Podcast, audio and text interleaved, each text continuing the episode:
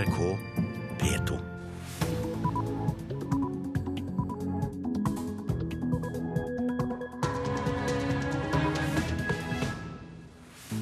Velkommen til Nyhetsmorgen. Klokka er 6.30. Programleder i dag Anne Jetlund Hansen, og dette er hovedsaker den neste halvtimen.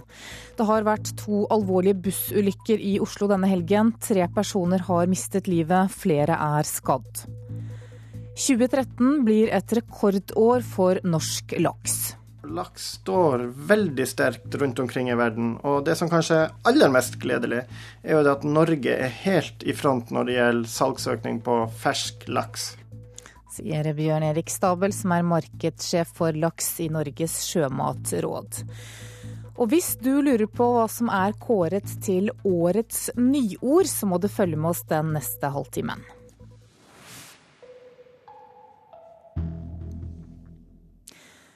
Det var en mann i 30-årene som mistet livet da en buss kom ut av kontroll ved Rosenhoff i Oslo i går kveld. Tre andre personer ble skadd, og politiet vet fortsatt ikke hvorfor sjåføren mistet kontrollen over bussen. Det har vært to alvorlige ulykker i kollektivtrafikken i Oslo i helgen. Natt til søndag så omkom bussjåføren og en passasjer da en buss kjørte av veien og veltet på rommet nordøst i eh, Oslo. Og reporter Øsker Tufan, det er Ruter som administrerer kollektivtrafikken i Oslo. Hva gjør selskapet nå for å følge opp disse ulykkene? Nå venter de på at politiet skal etterforske hendelsen begge, altså ved begge ulykkene.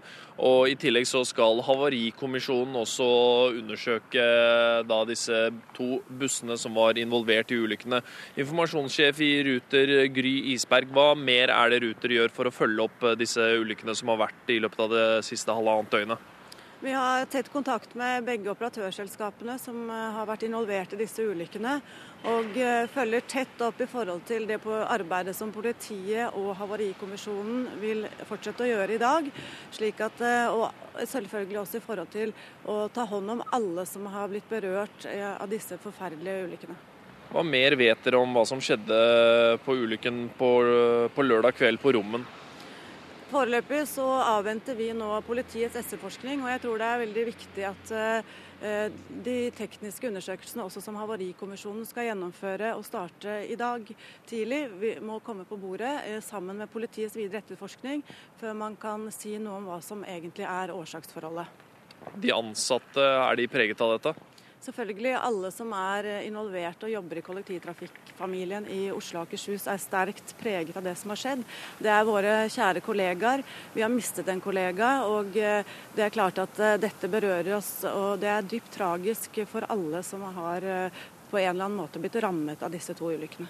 Du har vært i Ruter noen år. Kan du huske å ha hatt uh, ulykker av, den slag, av denne kaliberen i løpet av uh, få, uh, få timer? Nei, altså Sikkerheten i kollektivtrafikken den settes i høysetet. Og eh, vi har eh, vært forskånet fra denne type dramatiske hendelser. Så dette har vært eh, timer på halvannet døgn som har rammet oss slik vi aldri før har blitt rammet av tilsvarende ulykker. Takk skal du ha, informasjonssjef i Ruter, Gry Isberg. Vår reporter heter Øsker Tufan. 2013 er et rekordår for norsk laks. Høy laksepris gjør at Norge eksporterer laks for ca. 40 milliarder kroner i år. Og Samtidig så melder alle de store dagligvarekjedene her hjemme om rekordsalg av laks. På fiskesentralen i Oslo kjører trøkkene slalåm mellom jekketraller og paller med fisk. Inn hit kommer fisk som sendes videre til restauranter og butikker på hele Østlandet. Det er en økende, økende tendens på laksen. Magne Paulsen er daglig leder for Fiskesentralen. Han merker godt nordmenns appetitt på laks. Og jeg tror nok den her står for nesten en 50 av, av fiskeomsetningen. NRK har hentet inn tall fra de fire store dagligvareaktørene. Norgesgruppen, Coop, Ica og Rema 1000. Alle melder om rekordstor omsetning av den fete fisken. Brattest peker pilen for Rema 1000, med en salgsøkning på 150% på to år. Rekorder settes også for eksport. I år selger Norge laks til utlandet for ca. 40 milliarder kroner. Hovedsakelig fordi lakseprisen er rekordhøy. Snart koster en kilo laks 50 kroner. Interessen for norsk laks er kjempesterk, og laks står veldig sterkt rundt omkring i verden. Og det som kanskje er aller mest gledelig, er jo det at Norge er helt i front når det gjelder salgsøkning på fersk laks sier Bjørn Erik Stabel, markedssjef for laks i Norges sjømatråd. Rekordåret 2013 forklarer han slik. Laksen har passa utrolig godt inn i de megatrendene som er, som dreier seg om nytelse, da vi kjenner det i sushi, helse, laks er sunt, og så er det enkelt å lage, og det kjenner vi hjemme i produkter som salma og laks rett i ovnen og rett på grillen. Tilbake på fiskesentralen er det travelt. For julen er også høytid for lakseindustrien. Nå på denne tida av året, spesielt mot jul, så går det jo tonnevis. Både av rødlaks og gravlaks og pepperlaks og alt mulig laks. Reporter her, det var eh, Fredrik Lauritzen. Over til deg, professor i økonomi Frank eh, Asje ved Universitetet i Stavanger. Velkommen til Nyhetsmorgen. Takk for det. Du, hva tror du, hvorfor selger norsk laks så godt? Den enkle forklaringen er jo selvfølgelig at det, det, er et godt produkt i forhold til den prisen de tar for den, og derfor er det mange som, som synes at, at, det er en god deal. Eh, ser du bak det, så er det kanskje aller viktigst at fordi at laks er oppdrettet og ikke en villfisk, så er det tilgjengelig når forskjellige kunder ønsker den. Sånn at det er et lett produkt å håndtere i verdikjeden osv. Eh, og dermed blir det mye greiere for alle parter enn å håndtere villfisk som er sesongbasert, med mye større variasjon i kvalitet og, og, og, og andre ting som gjør det mer uforutsigbart. Så, sånn sett så på godt og vondt så er laksen et husdyr istedenfor en villart. Men hvordan fungerer det? Er det slik at når vi selger mye laks, så drar det også med seg salget av annen type fisk opp, eller går det på bekostning av salget av de andre fiskeslagene? Det varierer litt avhengig av hvor i verden du ser. Noen steder, med Norge som et godt eksempel, så drar laksen med seg annen fisk. Blant annet så før laksen kom, så var det mange forretninger som la ned fiskediskene. Med laksen til å holde oppe lønnsomheten i fiskedisken, så er det også plass til de andre artene. Men det finnes også eksempler på hvor laksen fortrenger annen fisk, så det er litt begge deler. Men, men, men totalt sett så synes effekten å, å, å, heller være at laksen drar med seg annen fisk enn, enn det motsatte. Samtidig så er det også sånn at norsk laks eh, også er omstridt når det gjelder både helsegevinst og ulike lands boikott av norsk fisk. Hvordan påvirker det salget? Gitt at vi har hatt et rekordår, så er det klart at det ikke påvirker det så veldig mye. Og, og, og jeg tror nok vi, vi, er mer opptatt av en del av disse tingene i Norge enn en, en mange andre steder. Det, det, er litt med den her at når vi endelig har funnet et husdyr som virkelig egner seg i det norske klimaet, så skal vi være veldig selvransakende i forhold til, til hvordan dette kan gå til. Så det gjør ikke så mye med omdømmet at f.eks. russiske veterinærmyndigheter nå vurderer et forbud mot norsk laks fra nyttår? Nei, Russland kjøper fremdeles så mye laks det kan, og russiske konsumenter synes at norsk laks er et veldig godt alternativ i forhold til hva annet de kan velge mellom. Du, norsk laks selges jo til eh, mer enn 100 markeder verden over. Hva tror du er årsaken til at den passer så godt inn i kjøkkenet de, i de ulike kulturene? Det er nok mange årsaker, men jeg tror det viktigste er at det er fersk fisk av god, stabil kvalitet som er tilgjengelig. Og, og, og, og sånn sett så er det mange land i verden som har problemer med forvaltningssystemet sitt og problemer med tilgangen på lokale arter. Og da fremstår laksen som det aller beste alternativet, fordi at han er lett tilgjengelig, og vi har god logistikk til å plassere han hvor som helst i verden. Professor Frank Asje, tusen takk for at du var med her i Nyhetsmorgen. Helikopter, mannskaper fra Røde Kors, hunder fra politiet og norske redningshunder leter akkurat nå etter en 17 år gammel jente som er savnet i Fana i Bergen. Hun forlot hjemmet sitt klokka 20 i går kveld, og siden det så har ingen sett henne. Det sier operasjonsleder Kjersti Eidsnes ved Hordaland politidistrikt. Vi er veldig bekymra for eh, hva som kan ha skjedd den jenten. da. Som sagt så har ikke vi hørt noe fra henne siden klokken åtte i går kveld.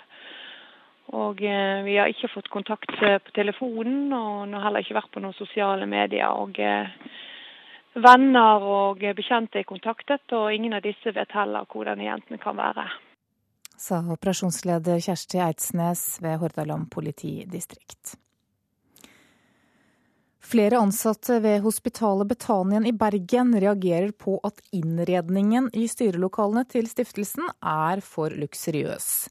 Den kristne stiftelsen står midt i en korrupsjonssak, og mange har stilt spørsmål ved om pengebruken har vært ute av kontroll. Det avviser styreleder Christian Hyssing Dahl. Likevel forstår han innvendingene fra de ansatte. Ja, de har vel fått eh, egentlig samme totalinntrykket som undertegnede fikk første gang. Jeg syns signaleffekten var feil. Vi, dette var ikke Betania. Det virker litt for ekstravagant. Ja, nå er vi inne i styrerommet. Vi går over skipsgulv, mellom flatskjermer og skinnstoler.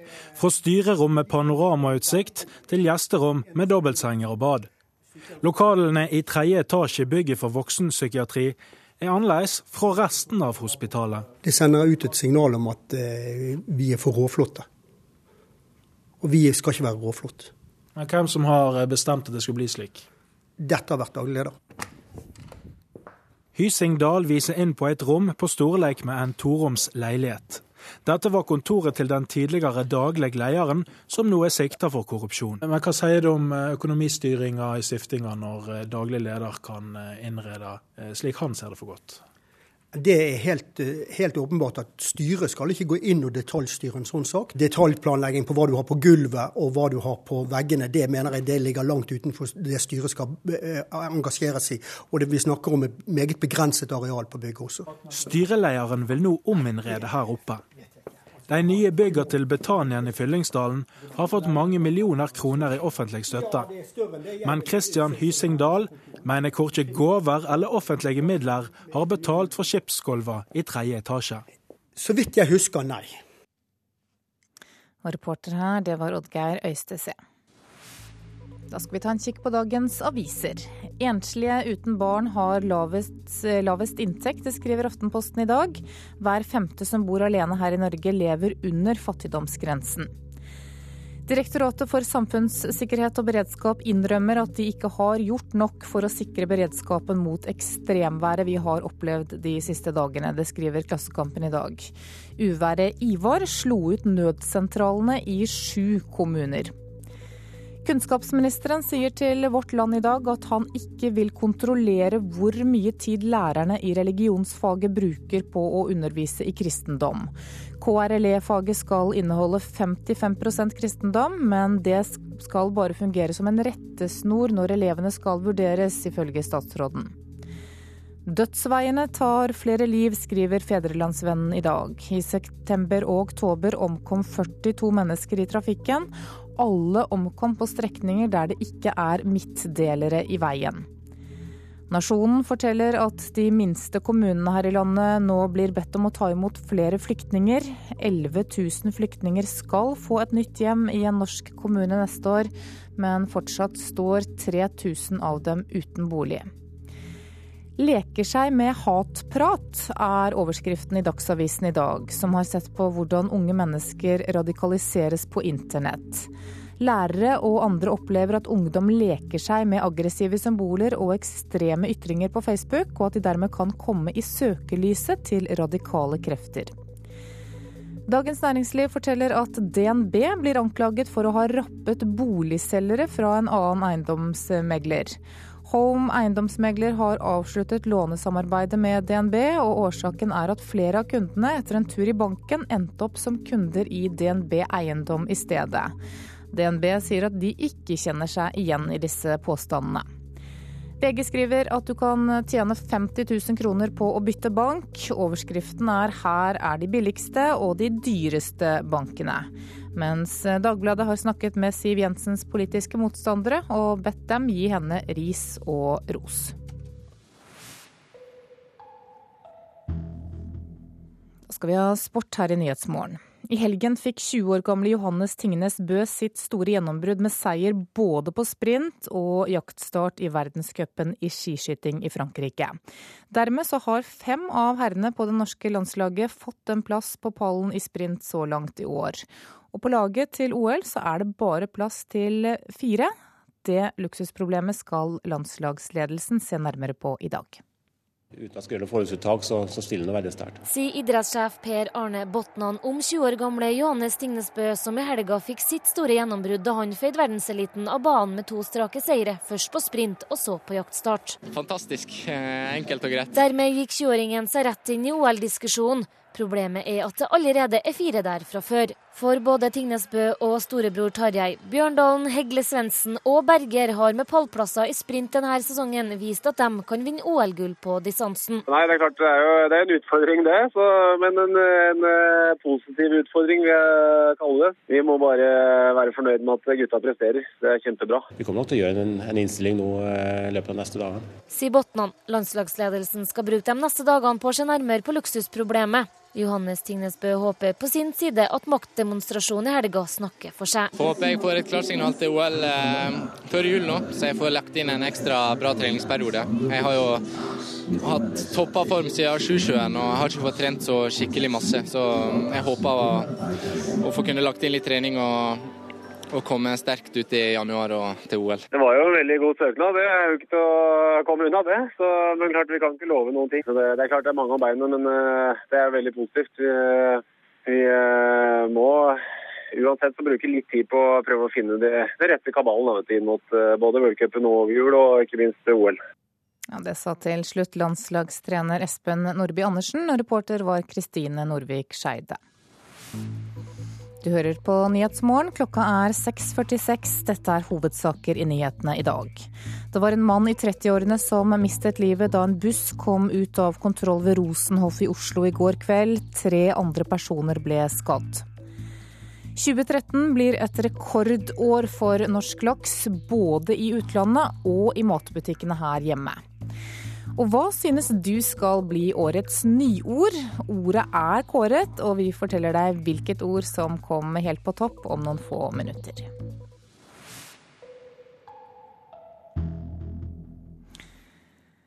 Røde Kors frykter at ensomme eldre er for stolte til å be om selskap på julaften. Hvert år arrangerer de en felles julefeiring for eldre som er alene, men få bruker dette tilbudet. Og nå håper Røde Kors at flere vil melde seg. Her er julegaver til gjestene. Greta Langseth i besøkstjenesten til Røde Kors i Bergen vil lager julefeiring for de eldre som ikke har noen å feire jula med. Ikke bare presanger, men middag, juletre og underholdning er på plass. Så når de kommer, så får de en gløgg? Det eneste som er litt i mangel, er gjester. 21 har meldt seg på, men Greta skulle ønske det var enda flere. Jeg tror at det er en bøyg å komme over og ringe til Røde Kors og si at de vil feire jul der. Kanskje de ikke vil innrømme at de er så sånn at de kvir seg litt for å for å ta kontakt. Det er veldig flott gjort av Røde Kors å gjøre det. Jeg har hørt om mange som har vært der tidligere år, og de er veldig fornøyd.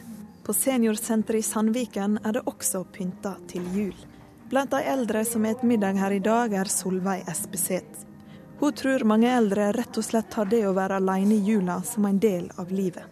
Jeg tror det blir en vane hvis de har vært alene, men det må jo være forferdelig de første årene og første tiden. Men eh, jeg tror det at eh, de tenker sånn at det er bare livet som er sånn. Muligens så er de stolt, ja. ja god dagen til Greta som ringer fra Røde Kors besøkstjeneste. Tilbake på Røde Kors krysser Greta fingrene for at de eldre som fremdeles er uten planer for julaften, tar kontakt alltid hjertelig velkommen, og at vi har en veldig hyggelig jul. Og så har vi julegaver, ja. ja. Reporter her, det var Ingvild eh, Nave. Og mange vil ha økologisk ribbe til jul. Produsenten Grøstad Gris i Vestfold er en av de største produsentene av økologisk gris i Norge, og klarer ikke å dekke etterspørselen. I år så kommer de til å selge seks tonn juleribbe til butikker rundt Oslofjorden. Og grisene til Grøstad-griseier Gry Beate Knapstad er populære nå før jul bort og prate litt. Hei, du. Hei. Det er et sjeldent syn å se en vinterdag, men på gården Grøstad i Re er grisene ute. På et stort jorde passer to purker på de 26 grisungene sine. Grisungene løper og tusler rundt i snøen. Da går de her sånn først nå med mammaen sin. Og så når de blir avvent, så blir de flytta ned på et annet område som de har mer tilgang på skogsarealer og mer boltreplass. da. Grisungene får feire jul i år, men om 20 uker er det deres tur til å havne i butikkene. Foruten grisene her på Grøsta er det tre andre produsenter som bidrar til Grøstaribba, steik, pølser og de andre kjøttproduktene. Årets ribbe er solgt ut, forteller eier Gry Beate Knapstad i Grøsta Gris. Vi kunne nok solgt uh, i hvert fall ti tonn uten problemer. Så det blir jo litt sånn at vi, den ribba vi selger, den blir delt ut etter hva butikken har solgt gjennom året. Litt sånn rettferdighetsprinsippet. Men siden det er så stor etterspørsel, hvorfor selger dere ikke mer? Det har, har litt med at vi skal bli kvitt resten av grisen også, ikke bare ribba. Det må stå litt i forhold til hverandre. Meny på Gloppe i Larvik bekrefter at de kunne solgt mer økologisk ribbe. Det samme kunne Meny på Revetal i Re gjort. Rundt 150 kg økologisk ribbe er stort sett bestilt bort, forteller ferskvaresjef Fredrik Bjørnstad på Meny i Revetal. Vis meg hvor den er, da. Det kan jeg gjøre, vet du. Du har den bak disken? Ja, jeg kan ikke legge den ut. Jeg er nødt til å prioritere de kundene som, eh, som virkelig vil ha den. Hvor mye mer koster en økologisk ribbe enn en vanlig ribbe? En fersk, vanlig tynnribbe fra Gilde koster 79,90 for kiloen. Eh, Grøstad sin koster 169. Mm, så nesten 100 kroner mer. Ja, og Det betaler de gladelig. Men en liten del av den ribba folk kjøper til jul, er økologisk. For av de 6000 tonnene med ribbe som Bjørn Ole Juel Hansen i Kjøtt- og fjørfebransjens landsforbund tror blir solgt til jul, så er bare noen promille økologisk. Det er et lite, lite utbud i forhold til totalen, så det vil alltid være etterspørsel etter noe økologisk. Og så tror jeg det at vi har en tilleggsdimensjon selvfølgelig ved økologisk, og den er kanskje ekstra viktig nå ved juletider. Det at man vet at årets viktigste måltid, der har man en, en god og glad gris som har hatt et uteliv og hatt økologisk fôr. På Meny på Revetal er en av kundene mer opptatt av fettprosenten i ribba hun skal ha til jul, enn om den er økologisk. Jeg tenker ikke økologisk ribbe. Jeg bor jo på en gard som driver konvensjonelt sjøl, så mest sannsynlig så blir det jo ikke økologisk ribbe. Skal du ha økologisk ribbe til jul? Helst. Fordi jeg syns det er den riktige måten å drive på. Både for miljøet og for dyra. Ja, for folk også. Grøstadgris har hatt to tonn mindre ribbe i år fordi de har hatt mindre gris. Men neste år blir det nok mer, for en ny produsent skal inn. Men vi vil ha en kontrollert økning, sånn at vi hele tida har kontroll på også på kvaliteten. Både på, på grisen, dyrevelferden og kvaliteten på produktene våre. Reporter her var Hege Therese Holtung. Stenersen-museet i Oslo opplever at det er mange færre som besøker dem. Tallet falt med 44% fra januar til oktober sammenlignet med samme periode i fjor. Og Stenersen-familien mener museet har kommet i skyggen av 150-årsjubilanten Edvard Munch. Museet ligger for seg selv, men styres av Munch-museet. Og nå krever etterkommerne av kunstsamleren Stenersen at ledelsen ved museet tar noen grep. Hei, hei. Sten Stensen. Sten Stenersen jr. er sønnesønn av Rolf E. Stenersen, som donerte kunstsamlinger som er basen for Stenersen-museet, og han snakker på vegne av Stenersen-familien. Museet har siden 2010 vært under Munch-etaten, og har nå felles budsjett med Munch-museet. Og familien mener de lave besøkstallene er en konsekvens av at Stenersen havner i skuggen av Munch. Nei, Vi føler det, det at Steinersen-museet, i og med at det er ett budsjett, så blir Steinersen-museet nedprioritert. Det er liksom ikke noe vilje eller ånd fra politisk sett til å øke budsjettet. Med foreløpig besøkstall nede i 9392 ligger de langt bak målsettinga til Oslo kommune på 25 000 besøkende. På Stenersen-museet i Vika i Oslo er det én besøkende da Kulturnytt er innom. Det er kunstner Sverre Bjertnæs, som åpner utstilling der over nyttår. Det er en utstilling jeg har jobba med over lang tid, og som er veldig omfattende. Det er kanskje den største utstillingen jeg har hatt sånn sett, så jeg håper det blir noe folk har lyst til å se. Bjertnæs syns det er noe spesielt ved å stille ut nettopp her. Det har jo en sånn, Jeg syns det er veldig stas å stille ut her. Det er en fantastisk historie med Stenersen og en, av de store mesenene og oppdagerne av kunst. Og ikke bare av Munch, men også en, en hel par generasjoner senere. da. Med. På rådhuset tror kulturbyråd Halsten Bjerke først og fremst at åpninga av Astrup Fearnley er grunnen til nedgangen. Jeg er ikke i tvil om at det er en direkte årsak til utviklingen ved Stensmuseet er eh, Astrup Fearnley-museet. Astrup Fearnley-museet er et fantastisk flott museum. Eh, men når man ser at over natten synker publikumstallene med 30% den dagen Astrup Fearnley åpner, så er det jo ikke tvil om at det er en del av årsakssammenhengen. Og reporter her var Kristin Forland. Noen nye ord er døgnfluer, andre slår rot i språket vårt. Og årets nyord, det er sakte-TV. Det begynte med Bergensbanen minutt for minutt. Bli med på ei av verdens vakreste og mest varierte togreiser. Nei, altså dette må jeg uh, få god og lang og sakte tid til å uh, tenke på og fordøye. Programsjef og idéutvikler Rune Møklebust i NRK regnes som sakte-TVs far og idéleverandør til suksesser som Hurtigruten Minutt for minutt, Nasjonal vedkveld og Nasjonal strikkekveld. Å havne helt på topp blant nyordene var en uventet glede. Det å lage nye ord oppi alt dette her er jo òg eh, det, altså det var ikke planen, men det er jo kjempegøy. Ordet sakte-TV, eller på engelsk slow TV, er også blitt en solid eksportartikkel, forteller Ole Hedemann, som har presentert NRK-ideen for utenlandske TV-selskaper. Ja, Det er kult. Det er det første nye norske ordet i verden siden slalåm, kanskje. Eller et eller annet sånt, som jeg tror er et norsk ord. Jeg er ikke helt sikker, men uh, viking var før det igjen. det er ikke så mange av dem, så, så det syns jeg er stas.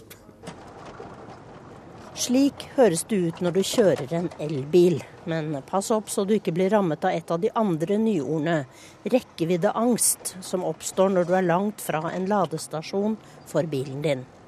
Dette ordet er nummer to på listen som er laget av Språkrådet og nyordsforskeren Gisle Andersen ved Norges handelshøyskole. På tredjeplass ligger gråblogg. Det tar for seg livets grå og kjedelige sider, og er avlet av et annet nyord fra noen år tilbake, ordet rosablogg. Nyordslisten inneholder også ord som avfølge, altså det motsatte av å følge noen på sosiale medier. Men ordlisten slutter der den startet, i Bergen, med ordet revelyd. Det er hentet fra Ylvis-brødrenes musikkvideosuksess What the Fox Say.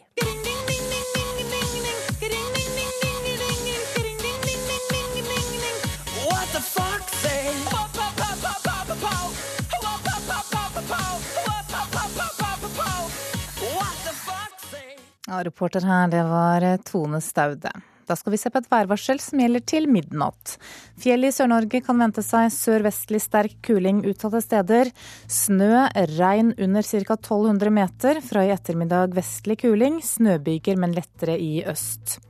Østlandet og Telemark sørlig stiv kuling på kysten. Fra i formiddag sterk kuling. Regn av og til, i kveld gradvis minking til sørvestlig liten kuling på kysten og lettere vær. Agder sørlig stiv kuling på kysten, fra i formiddag sørvestlig sterk kuling. Regn mest i vest. I kveld sørvestlig liten kuling på kysten. Lettere vær, men fortsatt enkelte byger i vest. Vestlandet sør for Stad sørvestlig stiv og periodevis sterk kuling. Ved Stad liten storm. Regn, senere regnbyger og haglbyger. Snøbyger i fjellet. Lokalt mye nedbør og utrygt for torden. Møre og Romsdal sørlig opp i stiv kuling, litt regn. Fra i formiddag sørvestlig periodevis liten storm på kysten. Regnbyger og haglbyger, snøbyger i fjellet og utrygt for torden. Trøndelag sørlig opp i stiv kuling. Fra i formiddag litt regn. Fra i ettermiddag sørvestlig liten storm på kysten. Regn og haglbyger, snøbyger i fjellet og utrygt for torden. Nordland sørlig stiv kuling utsatte steder. På kysten liten storm. I kveld sørvestlig liten kuling. Regnbyger i ytre strøk. I kveld også snøbyger i indre strøk og utrygt for torden på kysten. Troms og Finnmark sørlig sterk kuling utsatte steder. Minkende i kveld. Oppholdsvær. I kveld litt snø på vidda og i Øst-Finnmark. I Sør-Troms enkelte snøbyger. Og på Spitsbergen mye vind fra sørøst utsatte steder. I kveld sterk kuling og perioder med snø. Så tar vi med noen temperaturer målt klokka fire. Da hadde Svalbard lufthavn to grader, Kirkenes minus seks, Vardø Alta minus to, Tromsø fire, Bodø seks, Brønnøysund sju, Trondheim seks, Molde ti, Bergen og Stavanger ni og Kristiansand-Kjevik åtte grader. Vi tar med Gardermoen fem grader, Lillehammer to, Røros minus to, og på Oslo-Blindern så var det seks plussgrader da klokka var fire i morges. NRK P2. Samarbeidet mellom ICA og Norgesgruppen kan bli godkjent, tror BI-professor. Det er satt i gang en stor leteaksjon etter en 17 år gammel jente i Bergen. Her er NRK Dagsnytt klokken sju. Konkurransetilsynet kan komme til å godkjenne et innkjøpssamarbeid mellom ICA og Norgesgruppen. Det sier fagsjef for varehandel ved Handelshøyskolen BI, Odd Gisholt. I dag møter ICA hos Konkurransetilsynet, og Gisholt tror tilsynet er opptatt av å redde mindre butikker som er truet av nedleggelse. Ja, Hvis ikke ICA får til denne avtalen med Norgesgruppen, så regner jeg med at de vil måtte legge ned en del butikker i utkantstrøk. og Det tror jeg ikke de andre er interessert i. La meg først si at jeg tror faktisk at Konkurransetilsynet kan komme til å godta ICA-Norgesgruppen-avtalen. Jørn Gunnar Jacobsen, som er viseadministrerende direktør for ICA Norge, sier et innkjøpssamarbeid med Norgesgruppen må til for å berge små butikker. Vi får hjelp fordi at Norgesgruppen vil kjøpe inn varer for oss som de også skal distribuere. Fordi at vi har et veldig kostbar logistikk i dag. Veldig kostbar distribusjon langt imellom butikkene. Reporter Hedvig Bjørgum. Store redningsmannskaper leter etter en 17 år gammel jente som er savnet i Fana i Bergen. Hun forlot hjemmet sitt klokken 20 i går kveld, og ingen har sett henne siden, sier operasjonsleder Kjersti Eidsnes ved Hordaland politidistrikt. Vi er veldig bekymra for hva som kan ha skjedd den jenten da. Som sagt så har ikke vi hørt noe fra henne siden klokken åtte i går kveld. Og eh, vi har ikke fått kontakt på telefonen, og hun har heller ikke vært på noen sosiale medier. og eh, Venner og bekjente er kontaktet, og ingen av disse vet heller hvor denne jenten kan være. En mann i 30-årene mistet livet og tre ble skadet i bussulykken rett nord for Carl Berners plass i Oslo i går kveld. Mannen som omkom ble truffet av bussen etter at den hadde rullet av veien. Og natt til søndag omkom to personer og én ble hardt skadet da bussen de satt i kjørte av veien på Rommen. Noen eh, nye ord er døgnfluer, andre slår rot i språket. Etter TV-programmer som Hurtigruta minutt for minutt og Nasjonal vedkveld har sakte-TV havnet helt på topp som årets nyord.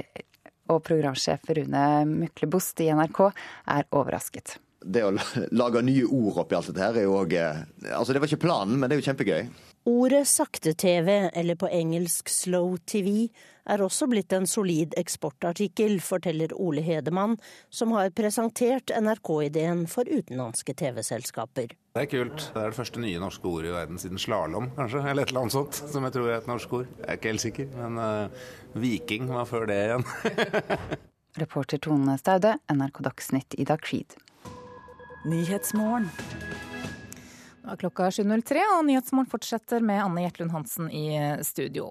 Straks får du mer om at færre kommuner ikke fører til sterkere lokaldemokrati. Det mener iallfall et flertall av ordførerne vi har snakket med.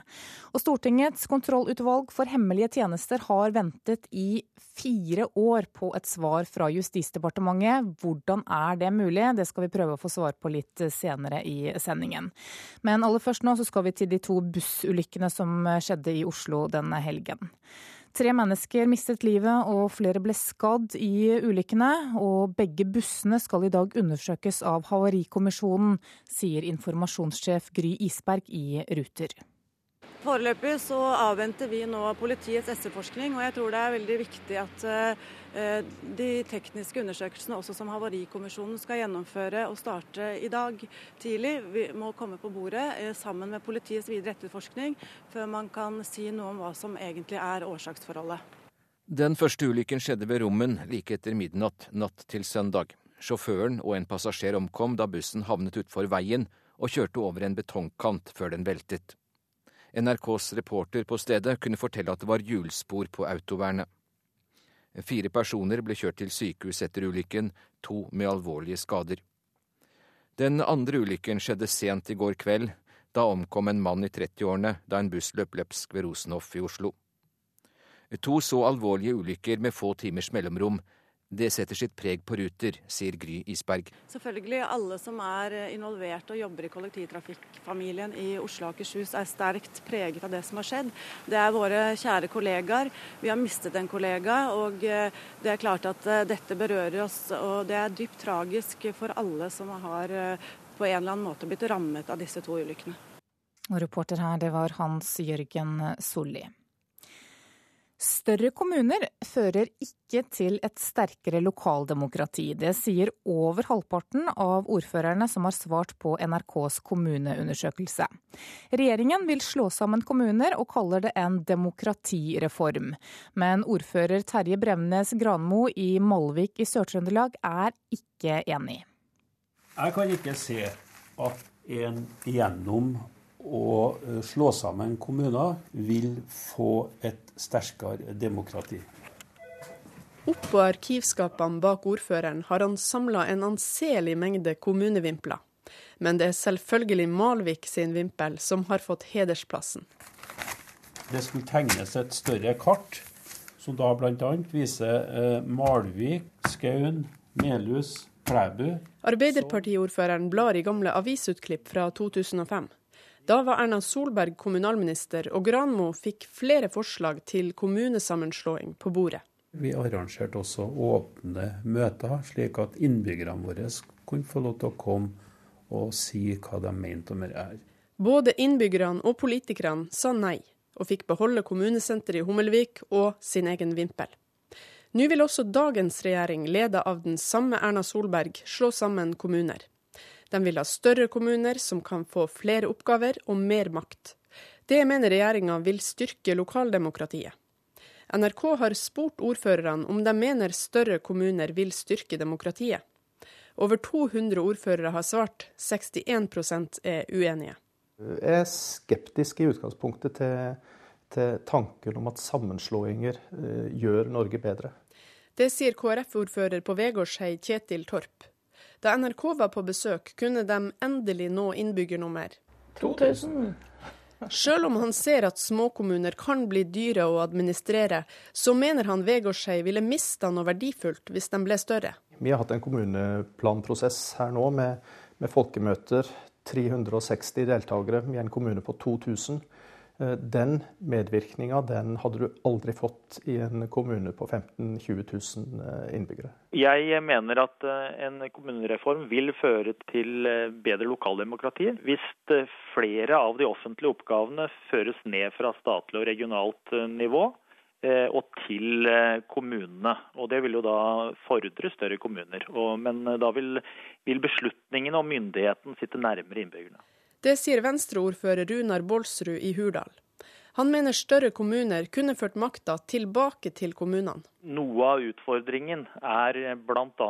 at eh, mange av oppgavene til kommunene i dag også må løses av interkommunale samarbeid. Noe som gjør at eh, mye av eh, lokaldemokratiet forsvinnes ut i selskapene. Og større, robuste kommuner vil kunne føre makta tilbake til kommunene. Demokrati for meg er nærhetsprinsippet. Nei, Jeg tror at større kommuner skaper avstand, eh, både følelsesmessig og, og rent fysisk. Regjeringa kaller kommunereformen en demokratireform. Det mener ordføreren på Vegårshei er ordkløveri. Det tror jeg er behov for å sukre en pille som for de fleste er ganske så sur. Reportere her var Håvard Grønli og Eva Marie Bulai. Daglig leder Geir Vinsand i Nivi Analyse, velkommen. Jo, tusen takk. Du har jobbet med kommunestruktur siden 1989. og Er du enig med siste taler her i at regjeringen sukrer pillen når de kaller dette her for en demokratireform? Ikke sukrer pillen. Jeg tror enhver eh, strukturreform som har vært gjennomført både i Norge og ellers i Norden, har hatt lokaldemokratiske begrunnelser. Så jeg tror at eh, større kommuner og mer funksjonelle kommuner kan lede til en massiv desentralisering av oppgaver til nye kommuner, og til en friere stilling for de kommunene i forhold til staten. Ja, på hvilken måte? Jeg, jeg tror mer kompetanse i kommunene, det er kanskje det viktigste argumentet for en kommunereform, eh, vil innebære at eh, man kan store mer på de ansatte i kommunen og på kommunestyrets kompetanse. Jeg tror eh, det kan bli mindre rapportering og mindre tilsyn, og at man kan stole på de beslutninger som lokaldemokratiet treffer. Ja, har du eksempler på at det har slått ut sånn noen steder? Det er vel ikke så lett å peke på sånn direkte, for vi har jo veldig få kommunesammenslutninger. Altså De siste 20 eh, årene så har vi hatt syv kommunesammenslutninger. Men det er jo ikke tvil om at eh, kommuneinndelingsreformen på 60-tallet eh, medførte en massiv endring i forholdet mellom kommune, kommunene og sterkere kommuner i forhold til staten. Men Samtidig så hører vi ordføreren fra Malvik her si at eh, demokrati for ham er prinsippet om nærhet. Hva svarer du til det da? Ja, altså Nærhetsprinsippet det jo, det er jo et godt prinsipp. Det betyr jo at oppgavene skal løses nærmest mulig borgeren. Men det er et relativt begrep. Det kan brukes til å begrunne uh, Malvik, og det kan brukes til å begrunne Vegårshei eller Hurdal eller hvilken som helst kommune. Så man må jo vurdere nærhetsprinsippet i forhold til de oppgaver som kommunene skal løse. Og, og dagens, løse, dagens kommuner skal løse svært krevende oppgaver. Og jeg tror at det, hovedutfordringen i dag er for mye nærhet og ikke for lite nærhet. Altså jeg, jeg, frykter veldig for uh, sviktende habilitet og rettssikkerhet uh, i kommunenes saksbehandling ved at de mangler kompetanse, og at de har etter hvert fått en rolle som forvalter av store økonomiske budsjetter. De forvalter tilgangen til velferdstjenestene for innbyggerne, og de er plan- og utbyggingsorganer. Eh, det er svært krevende oppgaver som krever litt avstand til de Eh, som man skal treffe beslutninger i forhold til. Ja, men Hvordan vet du det hvis vi ikke har noen særlige eksempler på hvordan det har gått når man har slått sammen eh, kommuner til større enheter? Jo, Det vet vi fordi at vi til daglig jobber med, står med beina ute i kommunene og vurderer jo selvfølgelig oppgaveløsningen. Jeg har selv jobbet de siste ti årene med interkommunalt samarbeid. Og der er hensynet til rettssikkerhet, hensynet til kvalitet og kompetanse en hovedbegrunnelse for å initiere interkommunalt samarbeid. Det er jo egentlig små fusjoner av oppgaver, ikke sant. Og det, det har vi masse erfaringer fra. Daglig leder Geir Vinsson i Nivi Analyse, takk for at du kom hit til Nyhetsmorgen. Og ordføreren i Malvik møter Kommunaldepartementet i debatt om dette temaet i Politisk kvarter klokka 7.45. Stortingets kontrollutvalg for hemmelige tjenester har ventet i fire år på et svar fra Justisdepartementet. Kontrollutvalget, også kalt EOS-utvalget, spurte i 2009 om å få innsyn hos Politiets sikkerhetstjeneste. Og etter flere purringer så har de fortsatt ikke fått det svaret de har bedt om. Uakseptabelt, mener Arbeiderpartiets Martin Kolberg. Ja, jeg vil bruke så sterkt uttrykk at dette er ikke akseptabelt, eh, sett fra Stortingets side. For siden 2009 har EOS-utvalget purret en rekke ganger, sist i oktober i år. Og I tillegg til dette så har Stortinget i sin siste behandling av EOS-utvalgets årsmelding presisert i sine merknader at her måtte departementet være raske. Og det har de altså ikke vært, og det vil jeg si er ikke akseptabelt. Sier Kolberg, som leder Stortingets kontrollkomité. Spørsmålet er om folk kan få vite om de ble registrert hos PST for over 30 år siden og om det da er mulig å få innsyn i eventuelle opplysninger om seg selv. Hovedregelen i sikkerhetsloven er at graderingen bortfaller etter 30 år.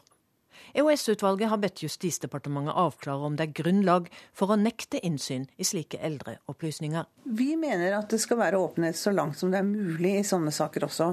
Sier Elbjørg Løver, som er leder for EOS-utvalget. De har fått inn flere klager fra personer som er nektet innsyn.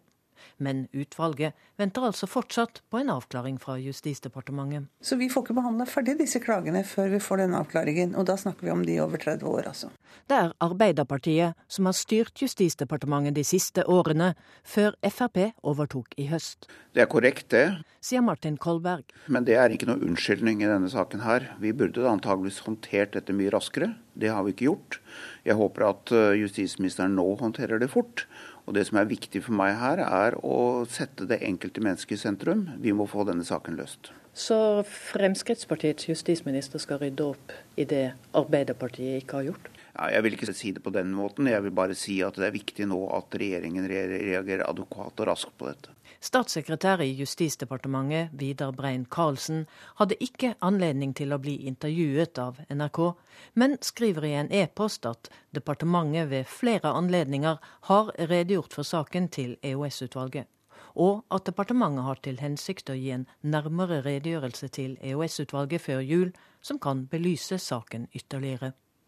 Reporter her var Katrin Hellesnes. Advokat Cecilie Schatvedt, velkommen. Takk.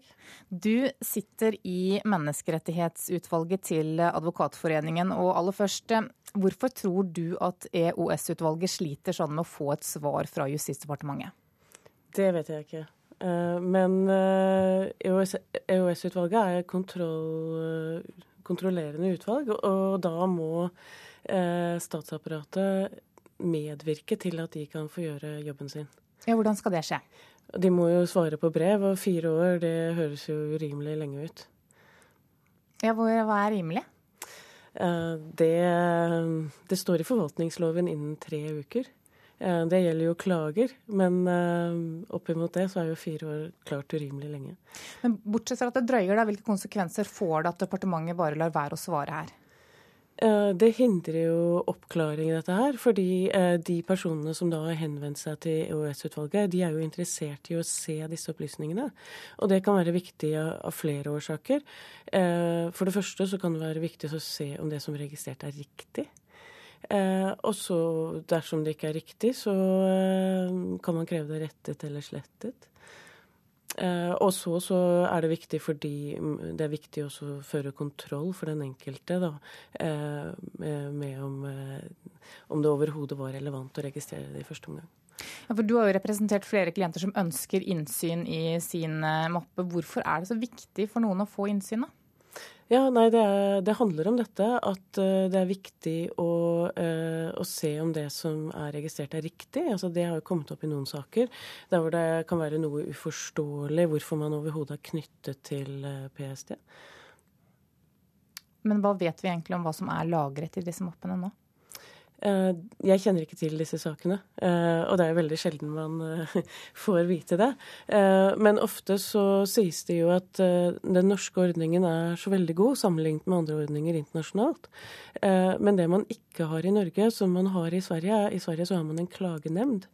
Og det betyr da at man kan ta Enkeltpersoner kan gå til nemnden og, og, og klage. Og det kan jo hende at det er det vi trenger i Norge også, med noen klarere kjøreregler for begjæringer, svar og når saker skal være avsluttet. Så du mener at vi kan kopiere den svenske modellen, rett og slett? I hvert fall elementer av den som synes å, å gi enkeltindividet større rettssikkerhet enn det de har i Norge. Advokat Cecilie Schatvedt, takk for at du kom til Nyhetsmorgen. Det var klokka 7.17, og du hører på Nyhetsmorgen. Dette er hovedsakene nå. Havarikommisjonen skal i dag undersøke de to bussene som var involvert i dødsulykker i Oslo i helgen. Større kommuner fører ikke til et sterkere lokaldemokrati. Det sier over halvparten av ordførerne som har svart på NRKs kommuneundersøkelse. Og Michelle Bachelet er valgt til ny president i Chile.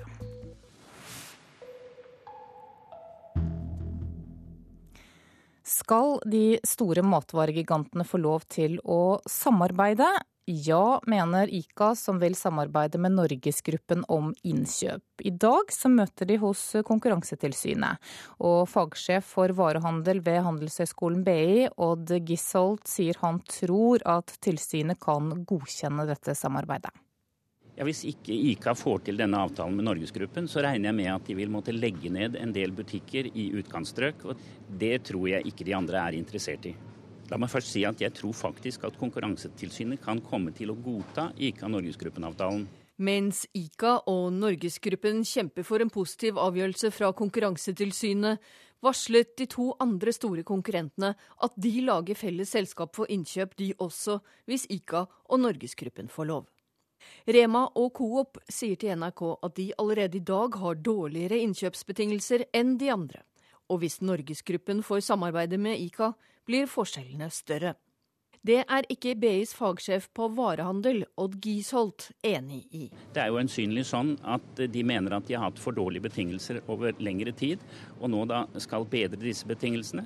Jeg mener at det ikke er dokumentert at Reitan har fått 6% dårligere betingelser enn Norgesgruppen. Dette har jeg bedt Ole Robert Reitan dokumentere flere ganger.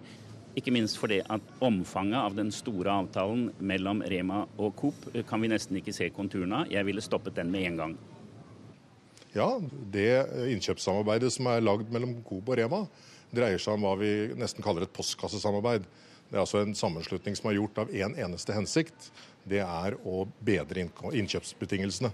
Jørn Gunnar Jacobsen, som er viseadministrerende direktør for ICA Norge, sier et innkjøpssamarbeid med Norgesgruppen må til for å berge små butikker som denne på Skullerud i Oslo.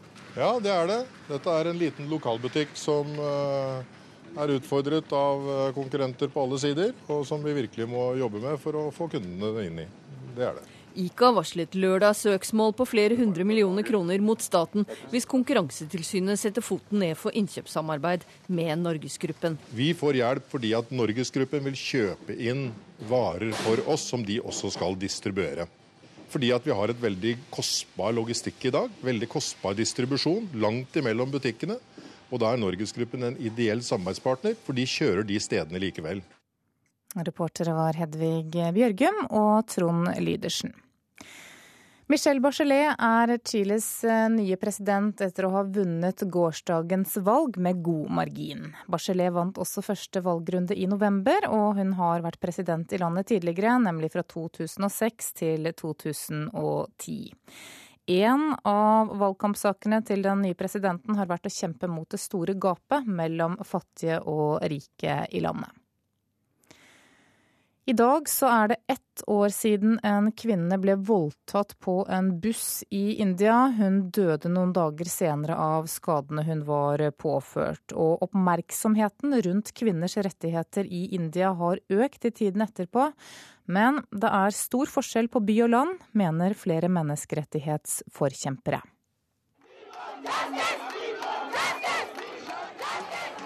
Indiske kvinner roper på rettferd. De er noen av de mange som har tatt til gatene etter at ei 23 år gammel kvinne ble voldtatt inne på en buss i Delhi. Kvinna ble slått og gjengvoldtatt av seks menn, medan hennes mannlige venn også ble banka opp. Deretter ble de to kasta av bussen i fart, og 13 dager seinere døde kvinna av skadene som hun ble påført under voldtekta. Overgrep mot kvinner er et stort problem i India, hvor det er anslått at det skjer en voldtekt hvert 22. minutt. Få av disse voldtektene blir meldte til politiet. Mørketallene er store. I tida etter bussvoldtekta har protestene vært mange og store, og det er først og fremst kvinner som har stått i fronten av protestene. Politiet har til tider vært nøyde til å bruke tåregassbomber og vasskanoner for å holde styr på demonstrantene. Men trass i den store oppmerksomheten er det ikke alle som er like nøyde.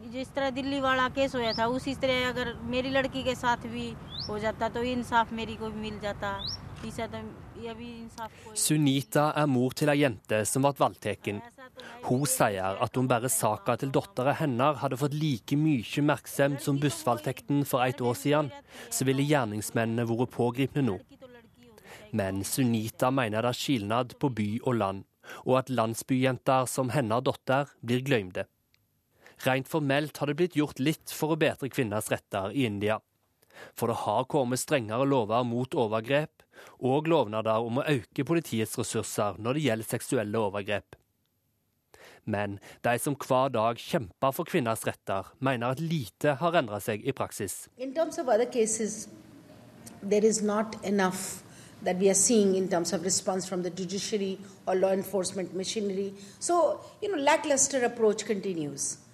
Ranjana Kumari er forsker, og hun mener at det er lite som har blitt gjort rent juridisk for å styrke kvinners retter i India. Hun sier også at lovnaden om å få flere kvinner inn i politiet bare har blitt halve i Delhi. På landsbygda er derimot alt ved det gamle. Og skilnaden på by og land og fattig og rik er det mange som viser til. Mange indere mener det er få som bryr seg når ei kvinne fra landsbygda blir voldtatt. Ett år etter den grufulle voldtekta er situasjonen fremdeles farlig for mange kvinner i India. I mellomtida jobbes det med å holde oppmerksomheten kring voldtekta oppe, i håp om at det kan få indiske menn til å forstå hvor grensa går. Reporter var Vegard Kjørom. Da skal vi ta en kikk på dagens aviser. Enslige uten barn har lavest inntekt, skriver Aftenposten i dag. Hver femte som bor alene her i Norge lever under fattigdomsgrensen. Direktoratet for samfunnssikkerhet og beredskap innrømmer at de ikke har gjort nok for å sikre beredskapen mot ekstremværet vi har opplevd de siste dagene. Det skriver Klassekampen i dag. Uværet Ivar slo ut nødsentralene i sju kommuner. Kunnskapsministeren sier til Vårt Land at han ikke vil kontrollere hvor mye tid lærerne i religionsfaget bruker på å undervise i kristendom. KRLE-faget skal inneholde 55% kristendom, men det skal bare fungere som en rettesnor når elevene skal vurderes, ifølge statsråden. Dødsveiene tar flere liv, skriver Fedrelandsvennen i dag. I september og oktober omkom 42 mennesker i trafikken, og alle omkom på strekninger der det ikke er midtdelere i veien. Nasjonen forteller at de minste kommunene her i landet nå blir bedt om å ta imot flere flyktninger. 11 000 flyktninger skal få et nytt hjem i en norsk kommune neste år, men fortsatt så står 3000 av dem uten bolig. Leker seg med hatprat er overskriften i Dagsavisen i dag, som har sett på hvordan unge mennesker radikaliseres på internett. Lærere og andre opplever at ungdom leker seg med aggressive symboler og ekstreme ytringer på Facebook, og at de dermed kan komme i søkelyset til radikale krefter. Dagens Næringsliv forteller at DNB blir anklaget for å rappe boligselgere fra en annen eiendomsmegler. Home eiendomsmelger har nå avsluttet lånesamarbeidet med DNB, og grunnen til det er at flere av kundene etter en tur i banken endte opp som kunder i DNB Eiendom i stedet. DNB sier at de ikke kjenner seg igjen i påstandene.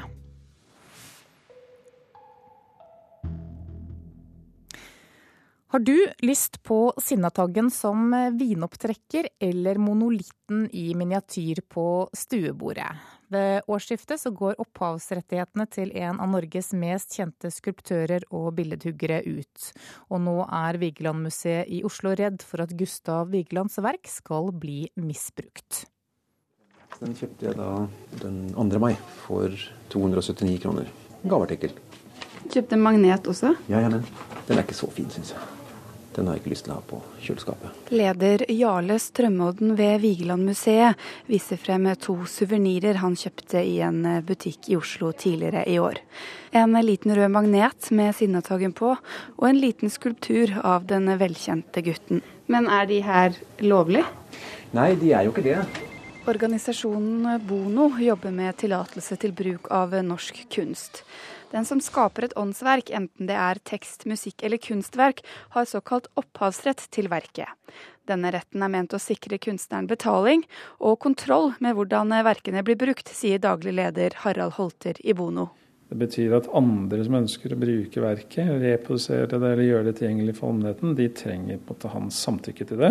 Og så vil han ha krav på penger eller vederlag for at andre bruker verkene hans. Og denne retten gjelder også når han er død, inntil 70 år etter utløpet av dødsåret hans. Ved årsskiftet går opphavsretten til en av Norges mest kjente skulptører og billedhuggere, Gustav Vigeland, ut. Og faren for ulovlig utnyttelse til kommersielle formål øker. Slik vi f.eks. har sett med Edvard Munchs 'Skrik', sier museumsleder Jarle Strømodden. Vigelands samtidig, Edvard Munch, og, og som eksempel 'Skrik', som har vært eh, utført i veldig mange ulike former og fasonger altså oppblåsbar eh, skrikdukke. Som, som, jeg vil si jo, den er morsom, men samtidig så er det jo en veldig klar forvrengning av uh, verkets uh, idé. Museet har nå satt i gang et arbeid hvor de har søkt om varemerkeregistrering for skulpturene Sinnataggen, Monolitten og noen andre av Vigelands arbeider. Vi har ingenting imot bruk. Vi har i den tiden med opphavsrett vært mer bekymret for misbruk. Men det er klart at vi har en grunn til å være litt mer offensive i vår si, forvaltning av disse kunstverkene. Og reporter var Anette Holt Hansen. Du lytter til Nyhetsmorgen nå. I reportasjen etter Dagsnytt så kan du få høre at kampen om de enorme havområdene rundt Nordpolen blir hardere. Produsent for Nyhetsmorgen i dag er Eli Bjelland, og her i studio Anne Jetlund Hansen.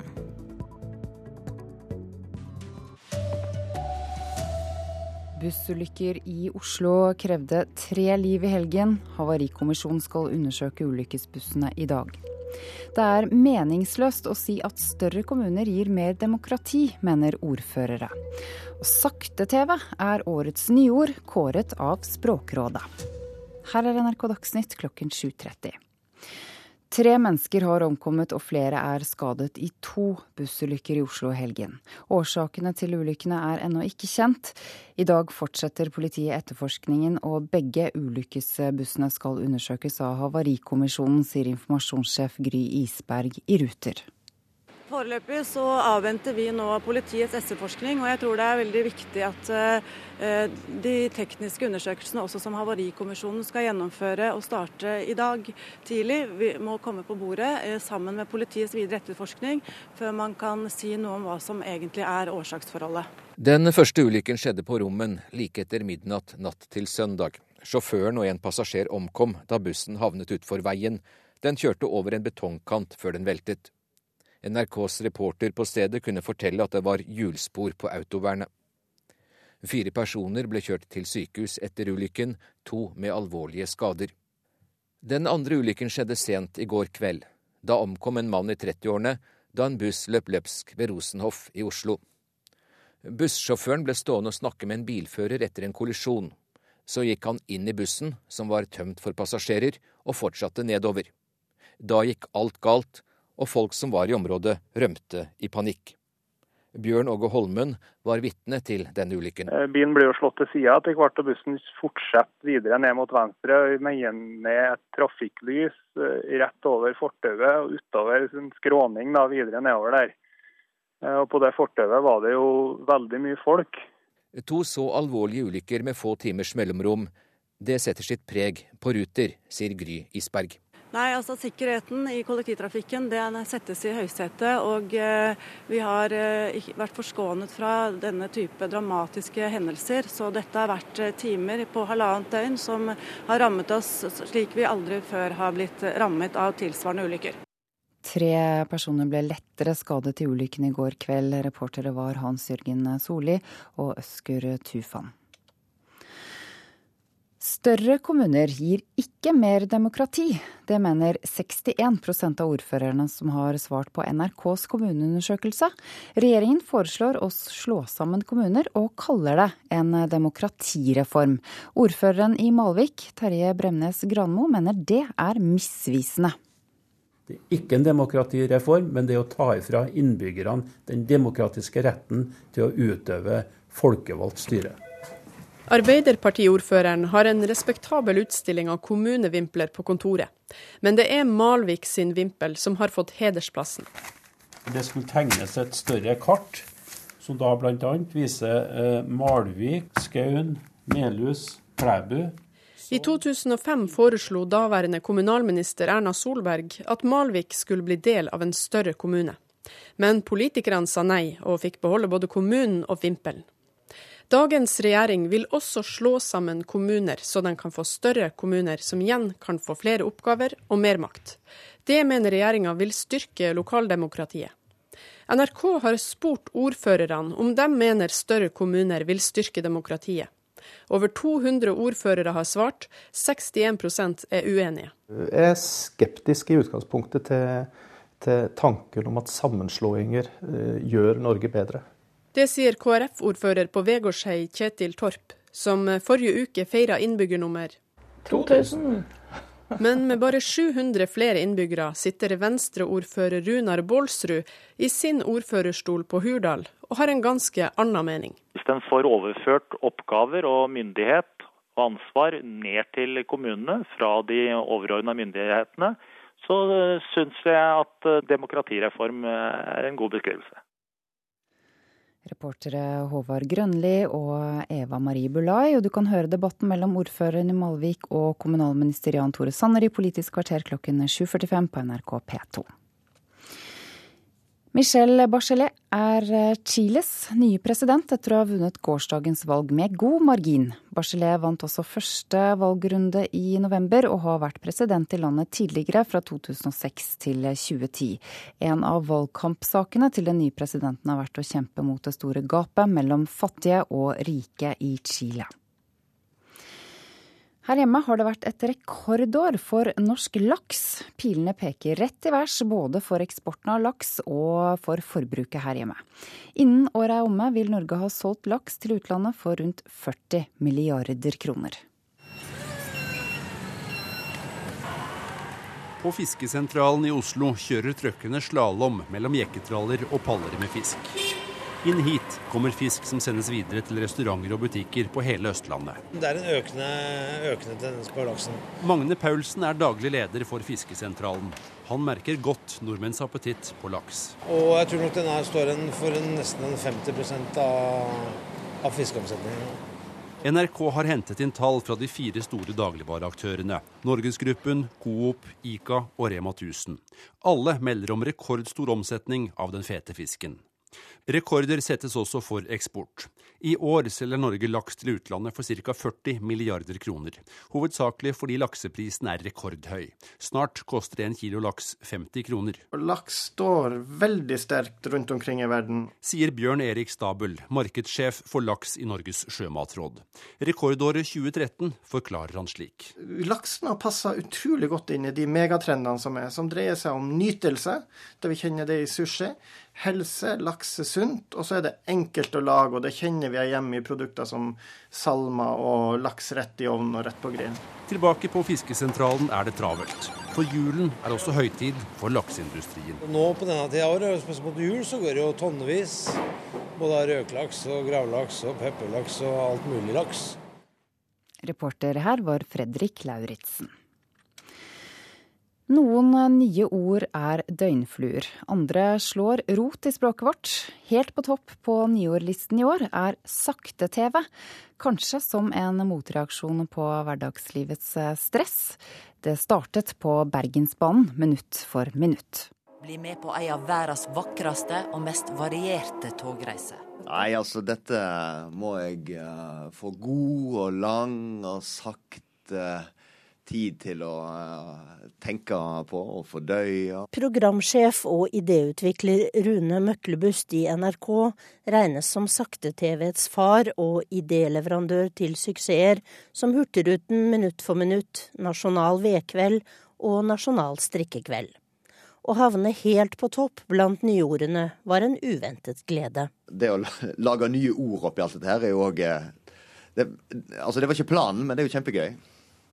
Ordet sakte-TV, eller på engelsk slow TV, er også blitt en solid eksportartikkel, forteller Ole Hedemann, som har presentert NRK-ideen for utenlandske TV-selskaper.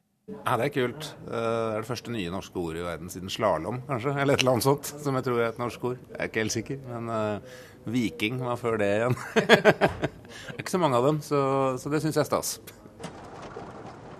Slik høres det ut når du kjører en elbil. Men pass opp så du ikke blir rammet av et av de andre nyordene, rekkeviddeangst, som oppstår når du er langt fra en ladestasjon for bilen din. Dette ordet er nummer to på listen som er laget av Språkrådet og nyordsforskeren Gisle Andersen ved Norges handelshøyskole. På tredjeplass ligger gråblogg. Det tar for seg livets grå og kjedelige sider, og er avlet av et annet nyord fra noen år tilbake, ordet rosablogg. Reporter Tone Staude. Håndball nå. Ingen av keeperne i VM er i nærheten av Katrine Lunde. Det sier NRKs håndballekspert Øystein Havang om Norges målvakt, som han mener er håndballjentenes S i ermet. Nei, det er, eh, det er, forskjellen på gull og sølv, eller gull og eller medalje eller ikke medalje. Det sier NRKs håndballekspert Øystein Havang. Han trekker frem keeper Katrine Lunde som Norges viktigste brikke i VM. Den rutinen og erfaringa og den, eh, den, posisjonen og autoriteten som Katrine Lunde har, skremmer jo også motstanderen. Så det er eh, ekstremt viktig at hun holder seg på banen. Nei, Hun står i åpner og i verdensklasse. og det skal hun komme langt i mesterskap og realisere drøm, så må du i hvert fall ha en god målvakt. Sier landslagstrener Torir Hegersson. Katrine Lunde regjerer mellom stengeren i sitt 14. mesterskap for Norge. Men tross storspill er keeperen som blir omtalt som verdens beste, beskjeden. Vi er jo avhengige av hverandre, men selvfølgelig, det, det er alltid bra med en, med en god målvakt. Reporter Kristine Norvik Skeide. Ansvarlig for denne sendingen er Bjørn Christian Jacobsen, Hanne Lunås og Ida Creed. Klokka er 7.40 eh, og Nyhetsmorgen fortsetter. Skal Nordpolen være kanadisk, russisk eller dansk? Kampen om de enorme havområdene rundt Nordpolen er nå i ferd med å hardne til. Og denne uken så varslet utenriksministeren i Canada at også de vil gjøre krav på denne aller nordligste pletten på jorda vår. En båt bryter seg fram gjennom isen. Mindre is, mer aktivitet, flere skip. En sterkt økende interesse for havområdene rundt Nordpolen. Og ikke minst for det som måtte ligge av olje og gass under havbunnen. in our government's historic effort to define the outer limits of Canada's continental shelf to assert and to defend. Vi har nådd en milepæl i arbeidet med å fastsette yttergrensene for den canadiske kontinentalsokkelen. Det er utenriksministeren i Canada, John Baird, som snakker. Mandag gjorde han det klart at landet vil gjøre krav på Nordpolen. Our government has devoted and will continue to devote the resources necessary to ensure that Canada secures international recognition for the full extent of our continental shelf in both the Atlantic and the Arctic Oceans. Vi vil gjøre det som er nødvendig for å sikre oss internasjonal aksept for å utvide territorialgrensene både i Atlanterhavet og Polhavet, sa Baird. Simply put, we have an important obligation to claim the full shelf as part of our great country. Men de er ikke alene om å gjøre krav på Nordpolen. Russland, Canada og Danmark, alle mener Nordpolen ligger innenfor deres grenser i havet. Russland har allerede levert sine krav til FNs kontinentalsokkelkommisjon. Danmark er godt i gang, og nå også Canada. Vladimir Putin likte dårlig det han hørte fra Canada. Svaret fra den russiske presidenten kom allerede dagen etter. På et møte med toppsjefer i Forsvaret ga han ordre om økt militært nærvær i Arktis. Dette er noe av det som er høyest prioritert i det russiske forsvaret, sa han. Vi må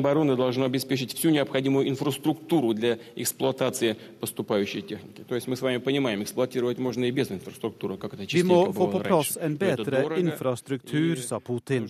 Flere militære eininger skal utplasseres i arktiske strøk.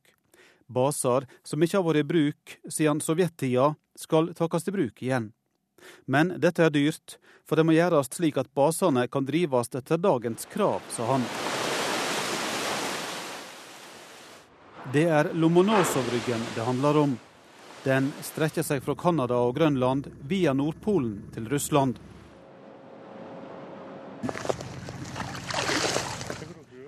Prøver opp fra bunnen av Polhavet.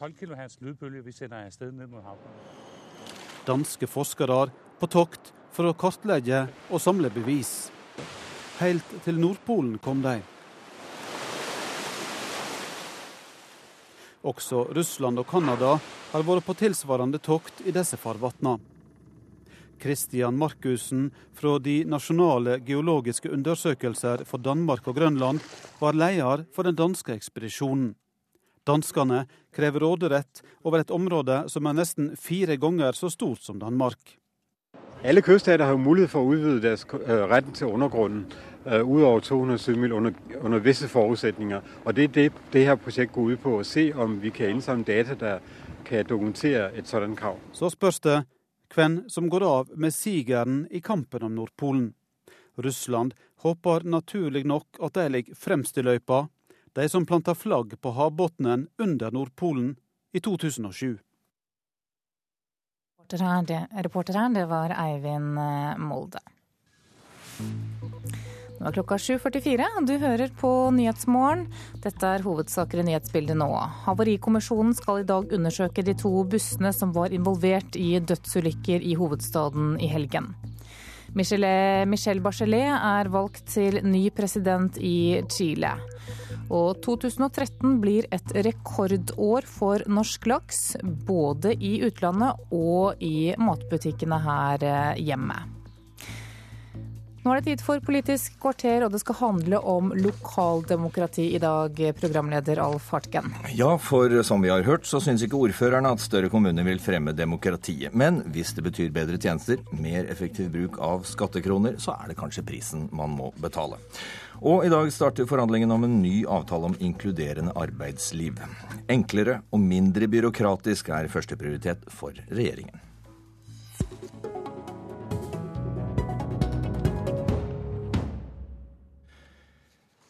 Dette er Politisk kvarter, eh, og som vi har hørt i nyhetene i dag, så er norske ordførere svært delt i synet på om kommunesammenslåinger vil fremme lokaldemokratiet. 60% av de som har svart på NRKs spørreundersøkelse, mener nei.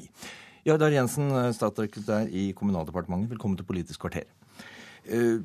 Aller først, Det ser ut til at dere i hvert fall har en ganske stor pedagogisk utfordring når såpass mange av ordførerne sier at dette fremmer ikke lokaldemokrati. For dere kaller dette en demokratireform? Ja, det gjør vi. Og vi mener at hvis vi skal få mer makt og myndighet til lokaldemokratiet eller til de lokalt folkevalgte, så må vi få større, robuste kommuner for å løse både dagens oppgaver og ikke minst fremtidens oppgaver. Og jo større kommunen er, jo større blir avstanden til uh, dem de styrer. Gjør det ikke det? Jeg er litt uenig med det der. For eh, det vi ser, er at det er jo en trend om at mer og mer makt og myndighet blir satt til de sentrale eh, myndigheter, altså stat og, og fylkeskommunene. Vi ønsker å føre noe av den makten tilbake igjen til de folkevalgte, og da må vi også ha kommuner som er i stand til å ta på seg de oppgavene. Og der illustrerer du vel nettopp uh, dilemmaet her. For, uh, og Terje Bremnes Granmo, du er ordfører i Malvik kommune i, i uh, Trøndelag. Du mener altså at ikke dette vil fremme lokaldemokratiet. Hvorfor ikke? Nei, Det som da vil skje, er jo det at velgerne, innbyggerne, får jo større avstand til de folkevalgte, som også skal da fatte de endelige beslutningene innen de forskjellige områdene.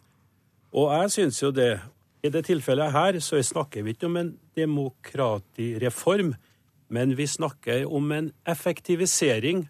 Og da forventer jeg også det at det riktige ordet blir brukt i denne sammenhengen her. Ja, Jensen. Er det det det egentlig handler om?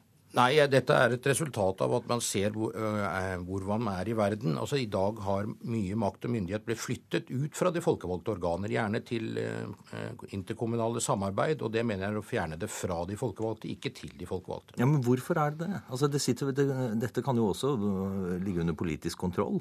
Det sitter politikere i styrene. altså det, det, det forsvinner jo ikke ut av Det er jo like fullt et kommunalt ansvar? Ansvaret ligger der, men Innbyggerne får ikke det innsynet, den påvirkningen, som de har hvis de har det i de kommunestyrene. Dette er en praktisk løsning for å, å løse de oppgavene som kommunene har fått, og den, de blir mer og mer. Vi må ha en større, robust kommune med egne fagmiljøer som kan løse disse oppgavene for innbyggerne, så de kan få direkte kontakt med de som faktisk jobber med disse sakene. Ja, Granmo. Ja, men det der er jo ikke riktig, det. For det at uh, saken er jo det at uh, når du har politiske nemnder eller representantskap i interkommunale selskap, så sitter jo politikere der som er valgt av folket og valgt av kommunestyret, og må stå til rette da i de saker hvor eventuelt innbyggerne også ønsker å ha sin innflytelse. Så det er demokrati av uh, beste sort. Jeg kan ikke si noe annet. Jeg ser at det, eh, innbyggerne gir jo inntrykk for at de føler at dette er ikke en riktig måte å gjøre det på. Og det er den konsekvensen vi ønsker å ta inn over oss. At mer og mer... Hva mener du med at velgerne gir uttrykk for at de Det er jo gjort, inn, gjort uh, undersøkelse på om, de, om innbyggerne syns at dette er en fornuftig løsning. Og mm. de føler at dette blir fjernet fra dem. Og de ser jo også at kommunestyrene også blir uh, overrullet fra statlige myndigheter. Og fordi man ikke har den kompetansen som man skal ha i kommunene.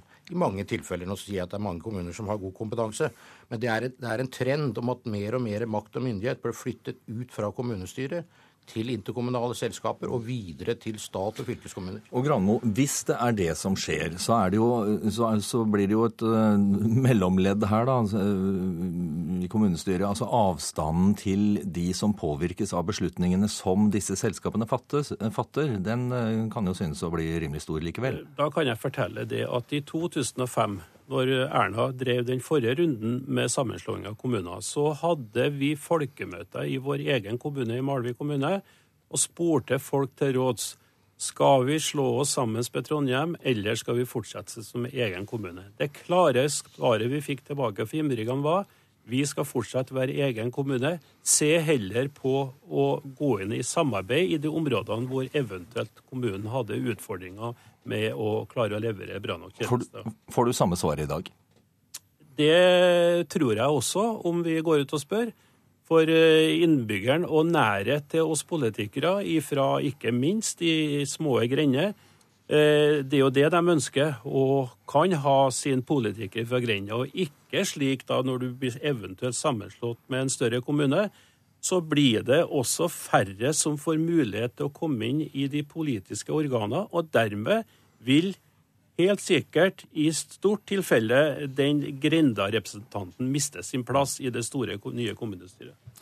Helge André Njåstad, du eh, representerer eh, Frp. Du er leder i kommunalkomiteen på Stortinget og får som sådan eh, ansvaret for å lose dette her igjennom i Stortinget. Her har man på en måte dilemmaet illustrert. Du er altså mangeårig ordfører i en skal vi si, middel, middelstor kommune i Austevoll i Hordaland. Hvordan skal du klare å forene disse, disse to synspunktene her? Nei, det tror jeg skal gå veldig fint. Eh, poenget er i fall at vi må starte i riktig ende og begynne å diskutere oppgavene. For det er jo det som eh, er det viktigste. Hva skal man fylle kommunesektoren med i framtida? Eh, og da kan man ikke diskutere ut ifra dagens situasjon, vi må diskutere hva vi skal løse i framtida. Og der er det jo utrolig masse spennende som vi med fordel kan flytte vekk fra stat, fylkesmann, fylkeskommune og ned til lokal, lokaldemokratiet. Eh, og Da blir det mer interessant å være, sitte i kommunestyrene. Det blir mer direkte demokrati. Eh, men da må vi starte i den enden og se på oppgavene. Og så vil dette bli en reform som kommunesektoren vil være positiv til å være med i, fordi at de vil få nye oppgaver som de kan løse eh, lokalt. Og Det er jo derfor vi sier at vi skal starte i den enden. Og Det er derfor vi også kaller det for en demokratireform, fordi vi faktisk ønsker å anerkjenne det lokale selvstyret, ønsker å anerkjenne kommunestyrene. Men da forventer vi òg at kommunestyrene ønsker å være med i den diskusjonen og ønsker å bli større og mer robust, sånn at de kan eh, løse enda flere oppgaver i framtida enn det de gjør i dag. Eh, hva skal til for at, du, for at du endrer syn og legger hovedvekten på det som Njåstad og Jensen sier her, Granmo? Altså, det er jo først og fremst at de folkevalgte, og ikke minst da, de små grendene, de blir også ivaretatt for at eh, med det opplegget som nå skisseres, så er det jo slik at det vil jo bli færre folkevalgte som skal sitte i de styrende organer. Og dermed så vil jo også mange grender føle at de mister sine representanter. De har behov for å ha representanter som ivaretar grendaskolen og barnehagen sin. Og det ser jeg også i Malvik. De er veldig dyktige og fremmer deres sak. Men skulle vi miste de, ja, så blir jo demokratiet uthula til fordel for en mer effektivisering. Kom heller med mer midler, slik at de kommunene som eventuelt har utfordringer, eh, kan gjennomføre og føre eh, gode tjenestetilbud til innbyggerne sine. Ja, kom med mer midler, eh, Jensen. Det er det det handler om. Jeg kjenner meg jo litt igjen som etter ti år som ordfører, og at man ønsker seg mer midler. Men jeg tror at hvis vi skal løse både dagens oppgaver og de nye oppgavene som regjeringen ønsker å gi kommunene, så er ikke midler det som er det viktigste. Det er å få tak i nok fagfolk, større og robuste fagmiljøer, som kan løse de oppgavene som de har, og ikke minst de de skal få.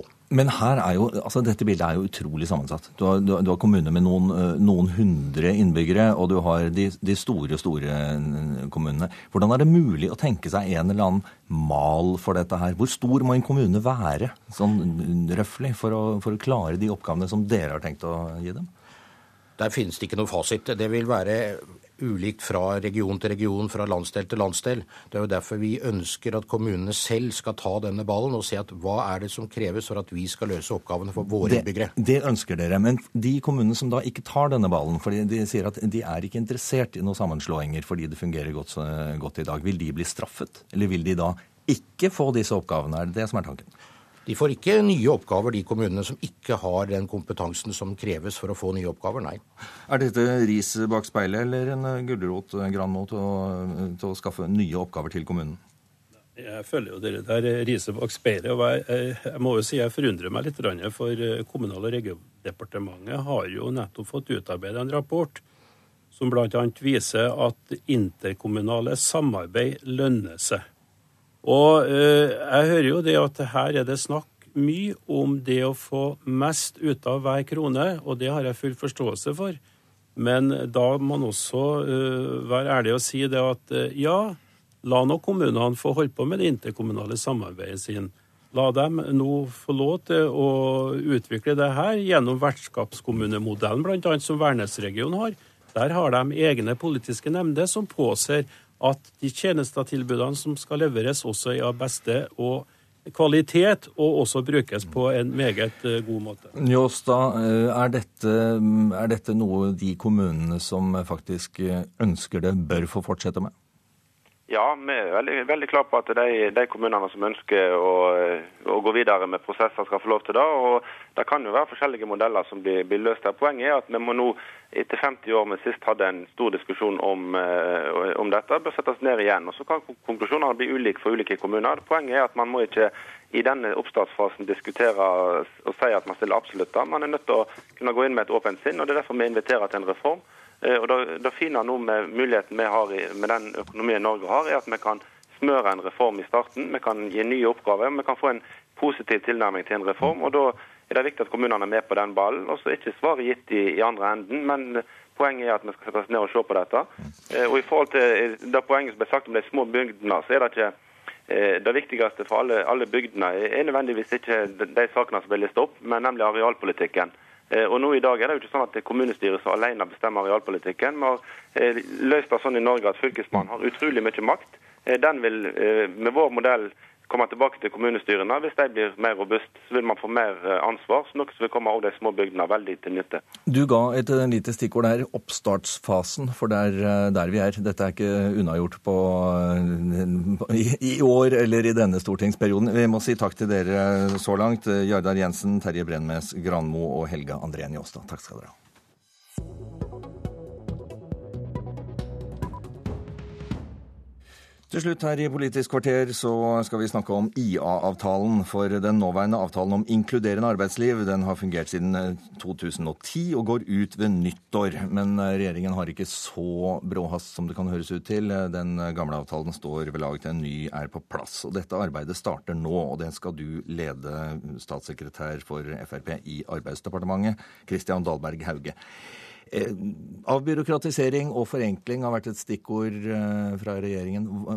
Hva vil du starte med? Vi legger opp til nå en totrinnsprosess for en ny IA-avtale. og det Trinn én vil være å forenkle sykemeldingsoppfølgingsregimet. Ikke minst fordi vi har fått klar melding fra både arbeidsgiver og arbeidstakere om at den er for byråkratisk, for tidkrevende og krever for mye av den enkelte bedrift. Så Der er det helt åpenbart behov for å gjøre det enklere slik at arbeidsgiver i større grad ser gevinsten av å få sykemeldte tilbake i jobb, samt å hindre utstøting fra arbeidslivet. Fint å kunne starte forhandlinger med noe som alle er enig i? Ja, det er det definitivt. Men en ting er at man er enig, en annen ting er at man ikke har klart å komme i mål og få treffsikre tiltak. Her er det helt åpenbart at vi må ha mer målrettede insentiver som gjør at også arbeidsgivere ser mer egen gevinst av å beholde ansatte selv om man er syk, og bruke restarbeidsevne og få et mer inkluderende arbeidsliv. Du og arbeidsministeren sier i en kronikk bruker en togmetafor at dere ikke bare skal inn på et nytt spor, dere skal, ut, dere skal også skifte ut skinnegangen. Det du har sagt til nå høres mer ut som å smøre maskineriet. Hva er det slags kraftigere virkemidler som dere sier dere skal bruke? Hva er det dere må fram med? Nei, vi er jo helt åpenbart til å komme frem til nye tiltak. Vi har bl.a. pekt på dette med graderte sykemeldinger, i større grad å bruke dette for å skreddersy løsninger for den enkelte. Og hvis jeg bare får ta et lite eksempel, så har så De siste ti årene så har det legemeldte fraværet knyttet til psykiske lidelser økt med 20% Det er veldig mye. Og For mange i denne gruppen så vil arbeid være den beste medisin. Og Da må vi sikre ikke utstøting, som gjør at mange av disse på varig havner på siden av arbeidslivet, men sikre tilpassede løsninger, slik at arbeidstakere med restarbeidsevne får brukt denne og får mulighet til å opprettholde tilhørighet og tilknytning til arbeidslivet, selv om man i perioder har nedsatt arbeidsevne. Når må en ny avtale være klar, Dahlberg? Hauge? Nei, det er klart, Vi ønsker å få en ny avtale på plass så raskt overhodet mulig. Men vi skal samtidig sikre at det blir gjort et grundig arbeid. At vi får opp alle forslag på bordet som er relevante og som er aktuelle. Slik at vi nå klarer i større grad å nå de målene IA-avtalen er, er, satt til å, å, fylle. Nemlig å redusere sykefraværet, inkludere flere med redusert arbeidsevne og få seniorer til å stå lenger i arbeid. Det er mye å gå på. Og vi, vi må finne de tiltakene og initiativene som gjør at vi kommer i mål. Takk skal du ha, Kristian Dahlberg Hauge. Det var det vi rakk i eh, Politisk kvarter. Nyhetsmorgen fortsetter. Jeg heter Alf Hartken. Hør flere podkaster på nrk.no podkast.